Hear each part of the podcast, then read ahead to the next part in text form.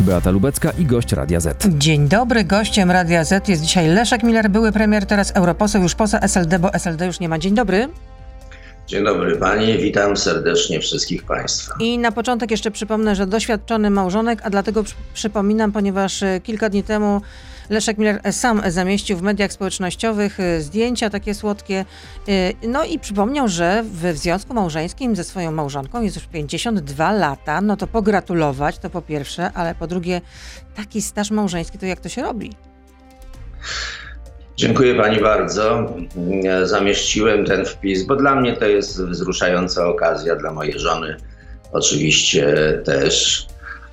Jak to się robi? No, y, trzeba spotkać tą kobietę, y, która jest ze wszech miar wyjątkowa. Ja miałem to szczęście, że y, spotkałem i moja żona przez te całe 52 lata czyni mnie lepszym. A ja jestem, a ja jestem bez, ja, ja jestem pod nieustannym wrażeniem y, mojej żony. No i to jest myślę, Kwintesencja. I to jest ta recepta. Można powiedzieć, można powiedzieć, wie pani, że e, długie małżeństwo to jest jak niekończąca się rozmowa. E, Nie chce się, aby tą rozmowę zakończyć. Sprawia ta rozmowa wielką przyjemność i tyle. A to była y, miłość od pierwszego wejrzenia? Taki piorun sycylijski? Tak, e, myśmy się poznali w szkole, w naszym technikum e, i klasa mojej żony e, e, organizowała tak zwaną prywatkę. Ja zostałem poproszony wraz ze swoim ciotecznym bratem, mieliśmy najnowsze płyty wtedy, magnetofon. No i wszedłem na salę i zobaczyłem pod ścianą kilka dziewcząt, między innymi tą, na którą od razu zwróciłem uwagę pomyślałem sobie, Boże, ona musi być moją żoną. No i tak się też właśnie stało. Ukłony dla żony, tylko domyślam się, że nie jest łatwo być pana żoną. Coś mi tak intuicja podpowiada. No ale życie Nie jest łatwo. Nie, Nie jest łatwo. Moja, moja żona jest dowodem na to, że e, aniołowie istnieją. Życie toczy się dalej, y, jak powiedziałam. No, Izba Dyscyplinarna Sądu Najwyższego, o czym informowaliśmy w wiadomościach Radia Z, nie zgodziła się na zatrzymanie i doprowadzenie do prokuratury sędziego Igora Tulei. Decyzja jest co prawda nieprawomocna, prokuratura może się od niej odwołać, ale na razie jest jak jest. Czy pan jest zaskoczony tą decyzją? Ja myślę, że wszyscy jesteśmy zaskoczeni łącznie z panem e, Tuleją, który przewidywał zupełnie inny bieg e, wydarzeń. Ja wysłuchałem e, ustnych motywów odmowy zatrzymania pana sędziego Tulei i muszę powiedzieć, że to wyjątkowa ekwilibrystyka. Chodzi bowiem o to, że Izba Dyscyplinarna stwierdza, że wprawdzie zachodzi przesłanka, że pan Tuleja ignoruje wezwania i wszystko wskazuje na to, że dobrowolnie się nie stawi przed prokuraturem, no ale kluczowe znaczenie ma konstytucyjna ochrona wolności. I w tym e, kontekście w przypadku pana Tulei nie istnieje określone kwantum dowodów wskazującego na jej sprawstwo, cytuję. Dlatego nie sposób byłoby zaakceptować pozbawienia wolności osoby w imię ochrony y, porządku publicznego. Mówiąc ludzkim językiem, y, Izba Dyscyplinarna stwierdziła, że nie ma wystarczających dowodów na winę pana Tulei i y, kwestionuje w ogóle zasadność postawienia pana sędziego y, za, y, przed zarzutami. A czy pan sędzia Tuleja powinien stawiać się w prokuraturze? No oczywiście, że nie, dlatego że niezależnie od tego, że wszyscy się ucieszyli tym werdyktem Izby Dyscyplinarnej, ale proszę pamiętać, że to nie jest e, sąd. E, To, że Izba Dyscyplinarna odmówiła zatrzymania sędziego Tulei, nie znaczy, że jest sądem. My się wszyscy cieszymy z tego orzeczenia, ale tak na dobrą sprawę to nie jest żadne orzeczenie. No to jaki może być ciąg dalszy tej sprawy? No, prokuratura już zdążyła zapowiedzieć, że się y, odwoła i pewnie to y, uczyni.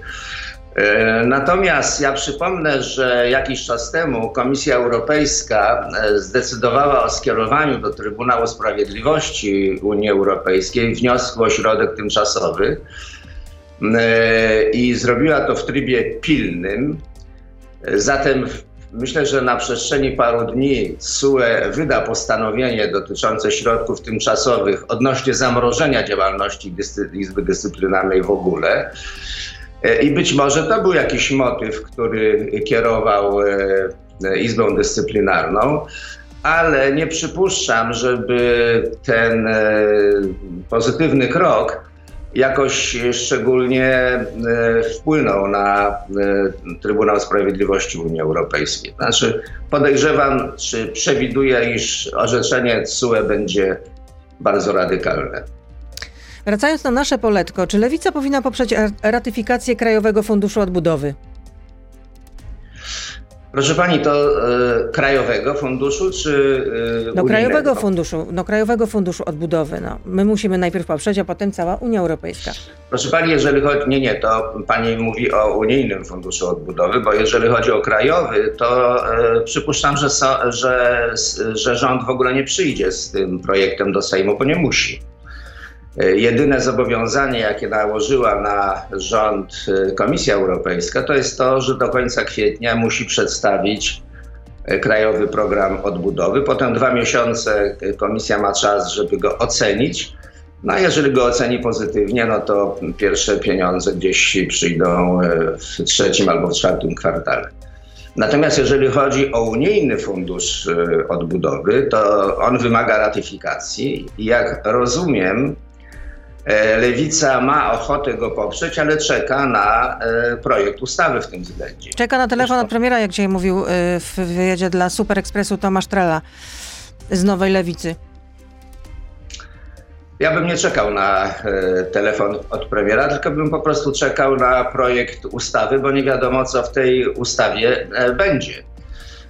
Jeśli bowiem chodzi o E, o, e, gdyby to był no, no, normalny rząd i gdyby to były normalne e, procedury, to ta ustawa by składała się z dwóch e, artykułów. Pierwszy artykuł taki, że e, Sejm upoważnia e, prezydenta do ratyfikacji, a drugi, że decyzja wchodzi tam powiedzmy po 14 dni, dniach od uchwalenia. Ale słyszymy, że w tym e, projekcie mają się znaleźć jakieś koncesje na rzecz Zbigniewa Ziobry.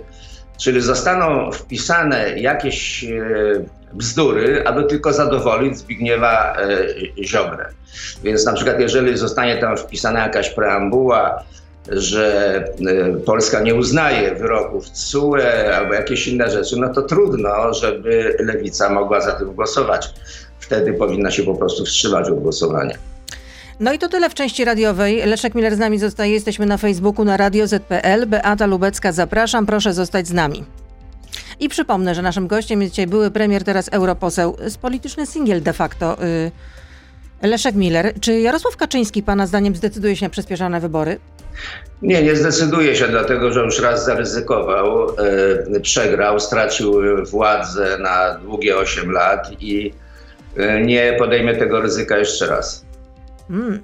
To tutaj jest pan bardzo taki zasadniczy, bo tutaj są spekulacje jednak e, cały czas, e, czy jednak będą przed, przedterminowe wybory, czy nie będą, no bo w związku z tym, co dzieje się też w koalicji. A teraz w kuluarach sejmowych słychać tak, taką oto wersję najnowszą od polityków partii rządzącej, że najpierw ratyfikacja funduszu odbudowy, potem może jakieś 700, plus, no i PiS w związku z tym zagwarantuje sobie władzę na długie lata. Proszę pani, ci politycy nie wiedzą bardzo, co mówią, dlatego że im się wydaje, że pieniądze z Krajowego Planu Odbudowy e, zostaną przekazane e, Polsce bez żadnych warunków. Otóż, e, gdyby przeczytali zasady opracowania krajowych planów odbudowy, to jest wszystko szczegółowo opisane w rozporządzeniu Parlamentu Europejskiego i Rady Unii Europejskiej to by e, zauważyli, że pieniądze mogą być wydane tylko i wyłącznie na wskazane i zatwierdzone przez Unię cele. Głównie chodzi o pięć takich filarów: zielona transformacja, transformacja cyfrowa, e, opieka zdrowotna i odporność społeczna, e, zrównoważony wzrost i tak. Co więcej, unijne rozporządzenie jest wiążące w całości i jest stosowane bezpośrednio. To oznacza, że rząd nie ma żadnej swobody w interpretowaniu tego rozporządzenia. I jeżeli już pieniądze zaczną płynąć do Polski, załóżmy, że polski rząd przekazał projekt, który zostanie zaaprobowany przez Komisję Europejską, to e, potem wchodzi bardzo e, precyzyjna, precyzyjny system kontroli. E, czyli Komisja Europejska będzie dokonywać bieżącej oceny, czy środki są wydawane zgodnie z przeznaczeniem. Jeśli stwierdzi, że nie, to wówczas następuje zawieszenie płatności. A w dodatku jeszcze trzeba wspomnieć, że została przyjęta zasada E, praworządność za pieniądze i ta, ta, to rozporządzenie też e, będzie obowiązywać, więc jeżeli e, pa, państwu z PiSu wydaje się, że oni te pieniądze przeznaczą na jakieś cele propagandowe, głęboko się mylą, bo po prostu gdyby PiS to zrobił, to te pieniądze zostaną zawieszone. Ale opozycja domaga się, żeby niezależna agencja kontrolowała, jak będą wydawane te pieniądze. Słusznie, ale ja bym proponował, żeby opozycja jak najszybciej utworzyła jakiś zespół ekspertów, który by się przyglądał, jak pieniądze są wydawane i, i na bieżąco informował Komisję Europejską i Radę Unii Europejskiej. No to wtedy będą Też... narażeni, wtedy opozycja się narazi na zarzuty, że donosi na swój kraj. I tak się narazi, i tak się narazi. Ja zresztą uważam, że w tym jest również miejsce dla nas, dla e, europosłów. My też będziemy obserwować, jak te pieniądze są wydawane. Jeżeli będziemy otrzymywać niepokojące sygnały z kraju, to bardzo chętnie będziemy przekazywać je do instytucji europejskich, po to właśnie, żeby zachować kontrolę nad sposobem wydatkowania tych wielkich środków. A wracając do tego, co dzieje się w koalicji y, rządzącej, w tak zwanym obozie Zjednoczonej Prawicy, o której trudno już teraz y, mówić, że jest zjednoczona, o co chodzi Jarosławowi Gowinowi? Bo ostatnio powiedział, że jedyną alternatywą dla Zjednoczonej Prawicy są przedterminowe wybory. Czyli rozumiem, że nie przejdzie na stronę opozycji, o co niektórzy się dopominają i o czym marzą. Skrycie. I nie tylko skrycie. No, jeśli nie przejdzie, to. Y skazuje się na marginalizację według mnie, dlatego że y, on już nie odzyska zaufania u Jarosława y, Kaczyńskiego. A to, co w tej chwili robi Gowin, to jest takie, taki kurs na centrum, no, ponieważ jego kolega Zbigniew Ziobro zajął prawy narożnik, tak, prawy narożnik, no to e, Gowin e, obiera kurs w kierunku e, centrum. I Gowin oczywiście buntuje się przynajmniej werbalnie przeciwko Prawu i Sprawiedliwości. I w Zjednoczonej Prawicy nie ma ani spokoju, ani zaufania, ale porozumienie przecież nie zamierza wychodzić z rządu. Yy, no bo jak Gowin i jego koledzy mogliby realizować swoje zamierzenia programowe poza e, rządem? Już nie mówiąc o tym, że przecież spora ich część, zgodnie z tradycją i praktyką polityczną PiSu, zajmuje lukratywne e, miejsca w spółkach Skarbu Państwa. Wczoraj był taki sondaż, z którego wynika, że e, ani Ziobro, ani Gowin, gdyby zdecydowali się na samodzielny start, no to nie znaleźliby się już w nowym Sejmie. Pytanie, czy no Jarosław jest... Kaczyński, czy Jarosław Kaczyński przewiduje miejsca dla gowinowców i ziobrystów na miejscach, znaczy na listach wyborczych, przepraszam, w następnych wyborach? Jeżeli e, w badaniach obydwaj panowie będą mieli 2%, to to e, myślę, że Jarosław Kaczyński może się ich całkowicie, może ich całkowicie zignorować w, w kolejnych e, wyborach. No a jeżeli nie, to do tego czasu na pewno e, tak ich stłamsi, że panom się odechce demonstrowania swojej e, niezależności. E, i samodzielności. Tak nawiasem mówiąc, ja się bardzo zdziwiłem, jak się dowiedziałem, że e, Zbigniew Ziobro e, otrzymał tekę ministra sprawiedliwości i prokuratora generalnego. Nie pan jeden chyba. Bo, bo Jarosław Kaczyński miał już przykre doświadczenia z tym politykiem. No i postanowił jeszcze raz zaryzykować i wyszło tak jak zawsze. No, Zbigniew Ziobro na pewno zbudował sobie bardzo silną pozycję, w ten sposób ma ogromną wiedzę i ogromną władzę, którą daje mu prawo jako prokuratorowi generalnemu i ministrowi sprawiedliwości w jednej osobie. No oczywiście, że tak i być może są jacyś politycy PiSu, którzy są na to wrażliwi i się tego po prostu boją. E, ale jeżeli chodzi o Kaczyńskiego, to mm, no, przychodzi taki moment, że trzeba zaryzykować. Pani pamięta, jakie ja miałem problemy z Polskim Stronnictwem Ludowym i przyszedł taki moment, że wypowiedziałem tą koalicję. No i był rząd E, mniejszościowy, a potem się pan z tym rządem musiał pożegnać. Potem się musiałem z tym rządem e, męczyć i e, sytuacja rządu mniejszościowego to nie jest coś, co daje komfort O, rządzenia. No ale y, nasza, moja wtedy i nasza cierpliwość, czyli y, SLD się wtedy skończyła. Y, To jest przykład, który albo może być naśladowany, albo nie. Ja myślę, że doświadczenia stąd wynikające Jarosław Kaczyński ma w pamięci. To na pewno.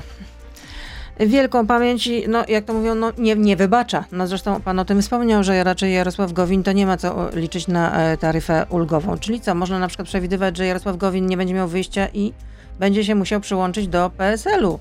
No bo przecież jakiś czas temu, w tamtym tygodniu, Piotr Zgorzelski lansował taką tezę, że oto tutaj można stworzyć taki nowy projekt, Polska Hadecja.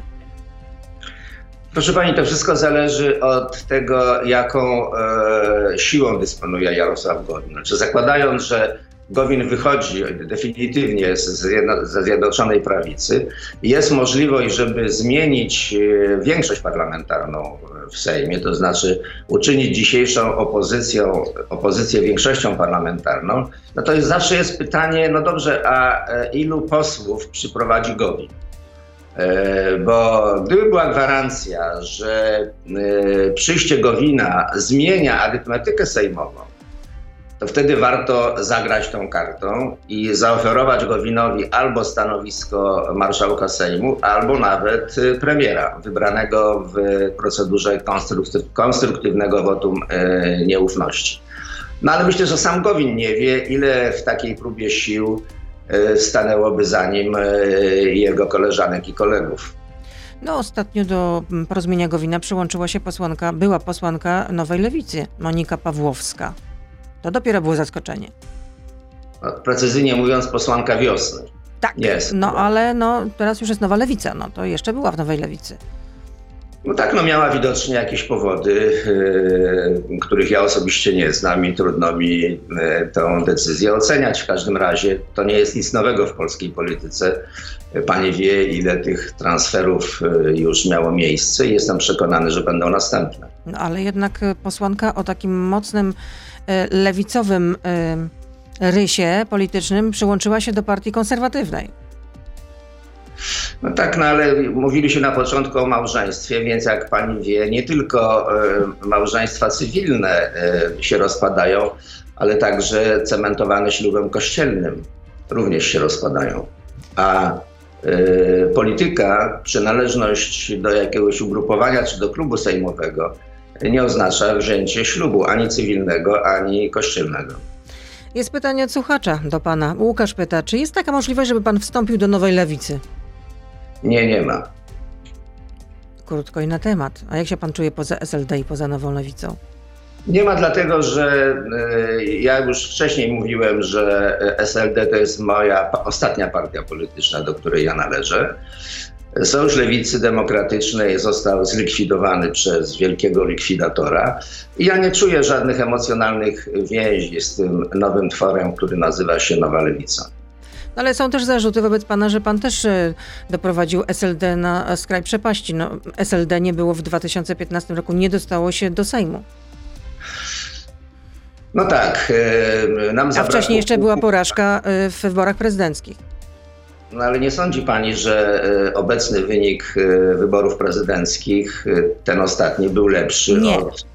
Nie. Pa- Prawda? E, To, to charakterystyczne, że o tamtym się mówi, a o tym się w ogóle nie mówi.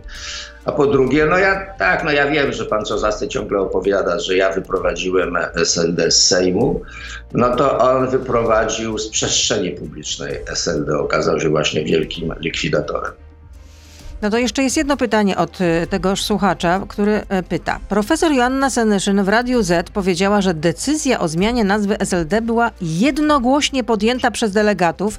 Nie było głosów przeciw. Mówił pan, że nie chce być meblem. To skąd w takim razie wzięło się pana oburzenie i wystąpienie z partii, a wcześniej go nie było, tego oburzenia? Nie, nie, nie, to nieprawda. Nie było jednogłośnie. Z tego co pamiętam, było 8 głosów przeciwnych i była grupa, która w ogóle nie głosowała. Ja do tej grupy należałem. Ja powiedziałem w swoim wystąpieniu, krytykując ten zamiar zrobienia tego, co zostało zrobione, że nie będę głosował dlatego, bo uważam, że konwencja nie ma kompetencji aby y, głosować za e, de facto likwidacją partii politycznej, że powinien się odbyć y, kongres w tej sprawie. Więc skoro konwencja nie ma kompetencji, no to ja nie będę brał udziału w głosowaniu. Jak wyglądają Pana obecne stosunki z Włodzimierzem Czarzastym, którego Pan popierał i wspierał w wyborze na szefa partii? E, nie mamy żadnych relacji. Nie musimy mieć. Bardzo ja, lakonicznie Pasie ja jestem, ja, ja, w, ja w, w, Parlamencie Europejskim razem z moimi dwoma kolegami, czyli e, Markiem Belką i Włodzimierzem Cimoszewiczem. Mark, Markiem Belką. Jesteśmy w delegacji, którą nazwaliśmy Lewica dla e, Europy. Bardzo dobrze się czujemy, świetnie sobie współpracujemy. E, I nie jesteśmy reprezentantem żadnej partii politycznej w Parlamencie Europejskim. Takie kółko byłych premierów. No tak, yy, powiedzmy ekskluzywna grupa. Leszek Miller jest dzisiaj z nami, były premier, jako się rzekło. A co pan na to, że były premier właśnie Kazimierz Marcinkiewicz stanie na bokserskim ringu? Jeśli mówimy już o byłych premierach. E, nie chcę właśnie nic mówić na ten temat, bo, bo mnie jest żal e, pana Marcinkiewicza. Znalazł się w bardzo trudnej sytuacji, jak widzę. Próbuje zarabiać jakieś pieniądze, które przecież mu są potrzebne do egzystencji. Mm, wie pani, szkoda, że ten e, temat nie został wcześniej e, uregulowany. Ja uważam, że gdyby kiedyś w przyszłości e, poważne, rozpoczęły się poważne prace nad zmianami w Konstytucji, to powinno się zmienić y, charakter Senatu. Znaczy w jednej części y, senatorowie powinni być wymiera, wybierani.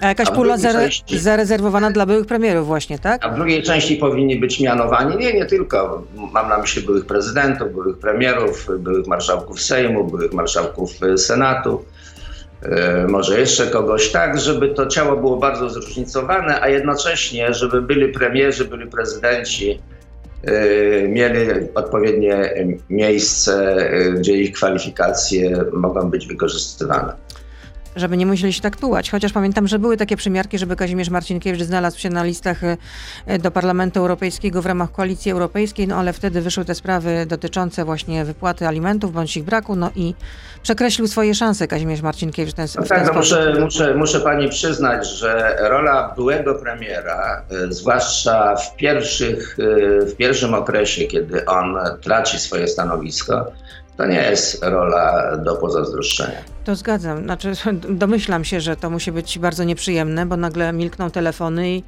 i nagle po prostu ludzie pana nie poznają. No, przynajmniej co po niektórzy. No, wtedy to jest po taki... pierwsze, a po, a po drugie, jeżeli, jeżeli były premier nie ma stałego e, miejsca, gdzie zdobywa dochód, no to przy, przychodzą takie problemy egzystencjalne, które właśnie, jak sądzę, dotyczą teraz pana Marcinkiewicza. No tak, i wtedy już sobie nie stawiamy pytania mieć czy być. Prezydent, no prezydent Biden ma przylecieć do Europy, jak e, pisze prasa, i pierwszą stolicą w tym regionie, którą ma odwiedzić, to będzie Bratysława, nie Warszawa. Czy w związku z tym wypadliśmy z kręgu najbliższych e, sojuszników Stanów Zjednoczonych, czy też niczego to nie dowodzi, tak jak mówił wczoraj tutaj w tym programie gość Radia Z Paweł Soloch, e, szef bezpieczeństwa, Biura Bezpieczeństwa Narodowego? To dowodzi bardzo wielu rzeczy, y, między innymi tego, o czym pani wspomniała. My nie jesteśmy już y, liczącym się partnerem dla Stanów Zjednoczonych. Y, prezydent Biden podczas wizyty w Europie Środkowo-Wschodniej woli się spotkać z prezydent Czaputową, która walczy o prawa człowieka. niż z prezydentem Dudą, który łamie konstytucję. No, nikt nie powinien być zaskoczony. Tym bardziej, że Biden w swojej praktyce politycznej bardzo zwraca uwagę na przestrzeganie prawa, praw człowieka itd., tak itd. Tak Więc to, że Biden nie przyjechał, nie przyjedzie do Warszawy, to jest bardzo jasna, klarowna, czytelna odpowiedź. Ale wczoraj tutaj dowodził jeszcze raz, y, powołam się na Pawła Solocha, y, szef BBN mówił, że właśnie niczego to nie dowodzi, bo przecież to w Polsce stacjonują wojska amerykańskie, a nie na Słowacji. Proszę pani, a co miał mówić ten urzędnik yy, ministerialny? No, na, najtrudniej zawsze yy, rozstać się ze swoimi złudzeniami i z urojeniami. No, mocne, mocne. E, tutaj wczoraj też jeden z słuchaczy zapytał e, o listy, który mm, wysłał wcześniej prezydent Andrzej Duda do Joe Bidena dwa miesiące temu i czy prezydent na ten list odpisał, prezydent amerykański. No i okazuje się, że nie odpisał, chociaż na temat tego listu e, były rozmowy z doradcą do spraw bezpieczeństwa, mm, amerykańskiego oczywiście, doradcę do spraw bezpieczeństwa. Proszę pani, no, Polska, e, właściwie nie Polska, tylko polskie elity rządzące, rząd, prezydent, ponoszą koszty za, za swoją nieprzemyślaną politykę za czasów e, Trumpa. To postawienie e, całej puli na jednego kandydata, przekonanie, że Trump zwycięstwo ma w kieszeni, te dąsy i te fochy, kiedy już było wiadomo, że Trump przegrał, pociągnęły za sobą takie sytuacje, jakie właśnie obserwujemy. E, gdyby Trump wygrał, no to przyjechałby do Warszawy amerykański prezydent. Skoro przegrał, to amerykański prezydent jedzie do Bratysławy. Czyli było to nierozsądne, Pana zdaniem? No to dowodziło po prostu takiej szalonej krótkowzroczności i e, nieprofesjonalizmu, bo E, zwykle e, polscy politycy, również za moich czasów, kiedy byłem premierem, starali się utrzymywać kontakty z, ze wszystkimi głównymi e, siłami politycznymi w Stanach Zjednoczonych, a więc zarówno starali się mieć dobre kontakty z demokratami, jak i z republikanami. Ta słuszna zasada została przez PiS, przez Dudę e, i przez Kaczyńskiego zarzucona. No i stało się to, co się stało. To spójrzmy jeszcze, co się dzieje z naszą wschodnią granicą, bo e, co się stało, że Rosja wycofuje wojska z granicy z Ukrainą właśnie?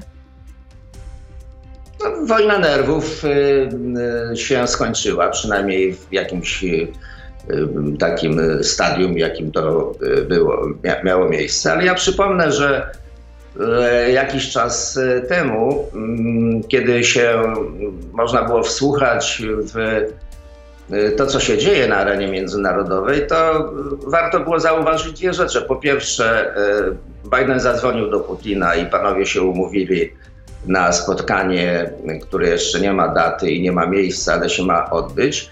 A po drugie, mm, dowódcy Armii Stanów Zjednoczonych tutaj w Europie, ci, którzy decydują właśnie o zachowaniu amerykańskich wojsk w Europie, twierdzili, że e, nie przewiduje się żadnej akcji militarnej e, Rosjan w Ukrainie i że to, co się widzi, no to są takie typowe manewry, które Putin od czasu do czasu lubi pod nosem na to zorganizować. No ale jeszcze wczoraj były takie komentarze, że praktycznie wojna wisi na włosku. Dzisiaj to napięcie opadło? Zdecydowanie opadło. No, wie pani, zawsze y, y, będą się pojawiać takie opinie, że za chwilę coś wybuchnie i tak dalej. Na szczęście tak nie jest. Y, ja zresztą cieszę się, że właśnie tak nie jest bo ja dużą część swojego życia spędziłem w okresie, kiedy dwa wielkie militarno-polityczne bloki wyposażone w niszczycielską broń jądrową stały naprzeciw siebie. E, I ten strach przed tym, że ta zimna wojna zamieni się w gorącą, był czymś wyczuwalnym. Więc ja zawsze e, wolę odprężenie niż prężenie mózgów, obojętnie po której stronie.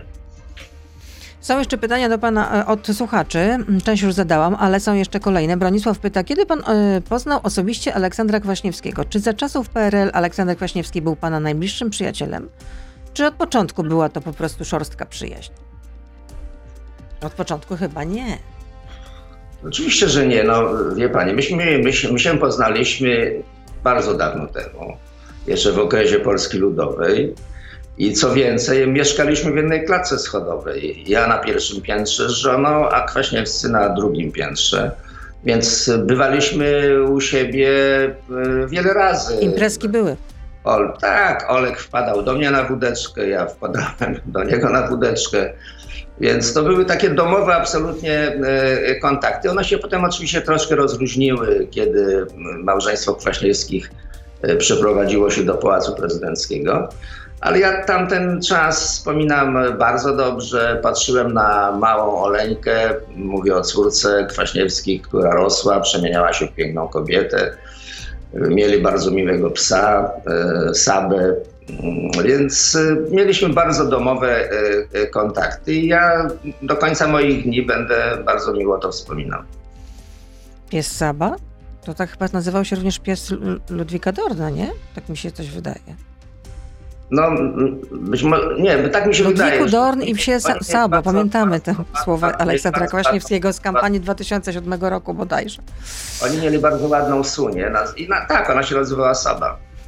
Michał pyta, czy w idealnym świecie lewicowym byłoby tak, że wszyscy obywatele składaliby swoje pieniądze do wspólnej puli, a potem dzieliliby je porówno? Nie, to nie jest y, wzór y, lewicowości, ani żadne wartości lewicowe, bo według mnie E, sprawiedliwie nie znaczy równo. I ludzie muszą wiedzieć, że sprawiedliwie oznacza sprawiedliwość szans, sprawiedliwość możliwości. Żadne, nie oznacza to żadnej, żadnych prześladowań, E, e, e, żadnych zwłaszcza uprzedzeń ze strony czy rasowych, czy seksualnych. Na tym polega sprawiedliwość, ale sprawiedliwość nie znaczy równo w sensie płacy czy dóbr materialnych. No ale tak to się mówiło w PRL-u. Czy się stoi, czy się leży, 2000 się należy. No, no ale to ja tego nigdy nie akceptowałem. Gabriel pyta. Znajdzie się cela dla Leszka Millera, śpiewali obecni włodarze partii Razem. Mm, przestali, co to napisali? Przestali po sojuszu chyba a, przestali po sojuszu z SLD. Jakie relacje z ludźmi, którzy mówili, że zasługuje pan na Trybunał Stanu za e, więzienia CIA, CIA pan ma e, z, właśnie z członkami partii Razem? Nie mam, żadnych nie mam żadnych kontaktów z tymi ludźmi. E, owszem, takie hasła były w przyszłości, ale one szybko e, znikały wtedy, kiedy padało stwierdzenie, a dlaczego, tego, a dlaczego tylko Miller, a ówczesny prezydent Kwaśniewski to nie. I to był argument zamykający usta. No to jest jeszcze jedno pytanie od tego słuchacza. Czy ma pan wiedzę, ilu więźniów storturowanych w więzieniach CIA w Polsce zostało uniewinnionych? Nie, nie mam. A dlaczego mam mieć? No nie wiem, no jest pytanie, więc y, no, nie będę kneblować przecież naszych słuchaczy. Prawda? Jest wolne. Pierwsze, po, po, pierwsze nie wiem, po pierwsze nie wiem, czy byli torturowani, po drugie nie wiem, czy w ogóle byli, a po trzecie nie wiem, co się z nimi stało. I jeszcze jedno pytanie. Do czego był pan bardziej przekonany? Do budowy socjalizmu, czy do wejścia Polski do Unii Europejskiej i do NATO? E, wtedy, kiedy miałem e, dwadzieścia kilka lat y, uważałem, że y, socjalizm y, daje mi niezwykłe szanse. I nie tylko mnie, ale wszystkim takim dziewczynom i chłopakom z biednych domów, którzy mieli od początku bardzo trudne problemy ekonomiczne, mieli problemy, żeby się kształcić i tak dalej, i tak dalej. I dzisiaj potwierdzam to tak. Socjalizm dał mi takie możliwości, z których skorzystałem ale w, pod koniec e, istnienia realnego socjalizmu coraz bardziej zdawałem sobie sprawę, że gospodarka nakazowo-rozdzielcza, centralnie planowana, ona przegra z gospodarką rynkową i że próby reformowania tego realnego socjalizmu w sensie większej skuteczności gospodarczej, one są raczej skazane na niepowodzenie. W związku z tym, kiedy się stała, pojawiły się warunki, że można było zorganizować okrągły stół, kiedy było wiadomo, że tym razem Związek Radziecki nie będzie interweniował zbrojnie i że my Polacy możemy sami decydować o swojej przyszłości. No to jak pani wie, znalazłem się tam, gdzie trzeba, czyli przy okrągłym stole. Czyli był pan przekonany do tego, że należy znaleźć że Polska musi znaleźć się w strukturach unijnych i NATO? Znaczy byłem e, prze przekonany, że e, socjalizm przegra z rynkiem i demokracją i że Polska, jeżeli będzie tylko możliwość, powinna przejść e, znamienną ewolucję. Ale szczerze pani powiem, że nie wydawało mi się, żeby to mogło nastąpić za mojego życia. Byłem raczej pewien, że te dwa bloki militarno-polityczne stojące naprzeciw siebie, one zachowają swoje pozycje do końca moich dni. Więc to, co się stało, było dla mnie dosyć niespodziewane, ale oczywiście bardzo konstruktywne i budujące. Tutaj pana prognozy się nie sprawdziły. Nie.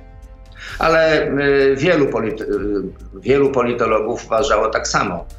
Miałem przyjemność rozmawiać parę razy na przykład ze Zbigniewem Brzezińskim, który mówił mi, że też tak uważał, że zmiana geopolityczna może nastąpić tylko i wyłącznie w warunkach wojennych.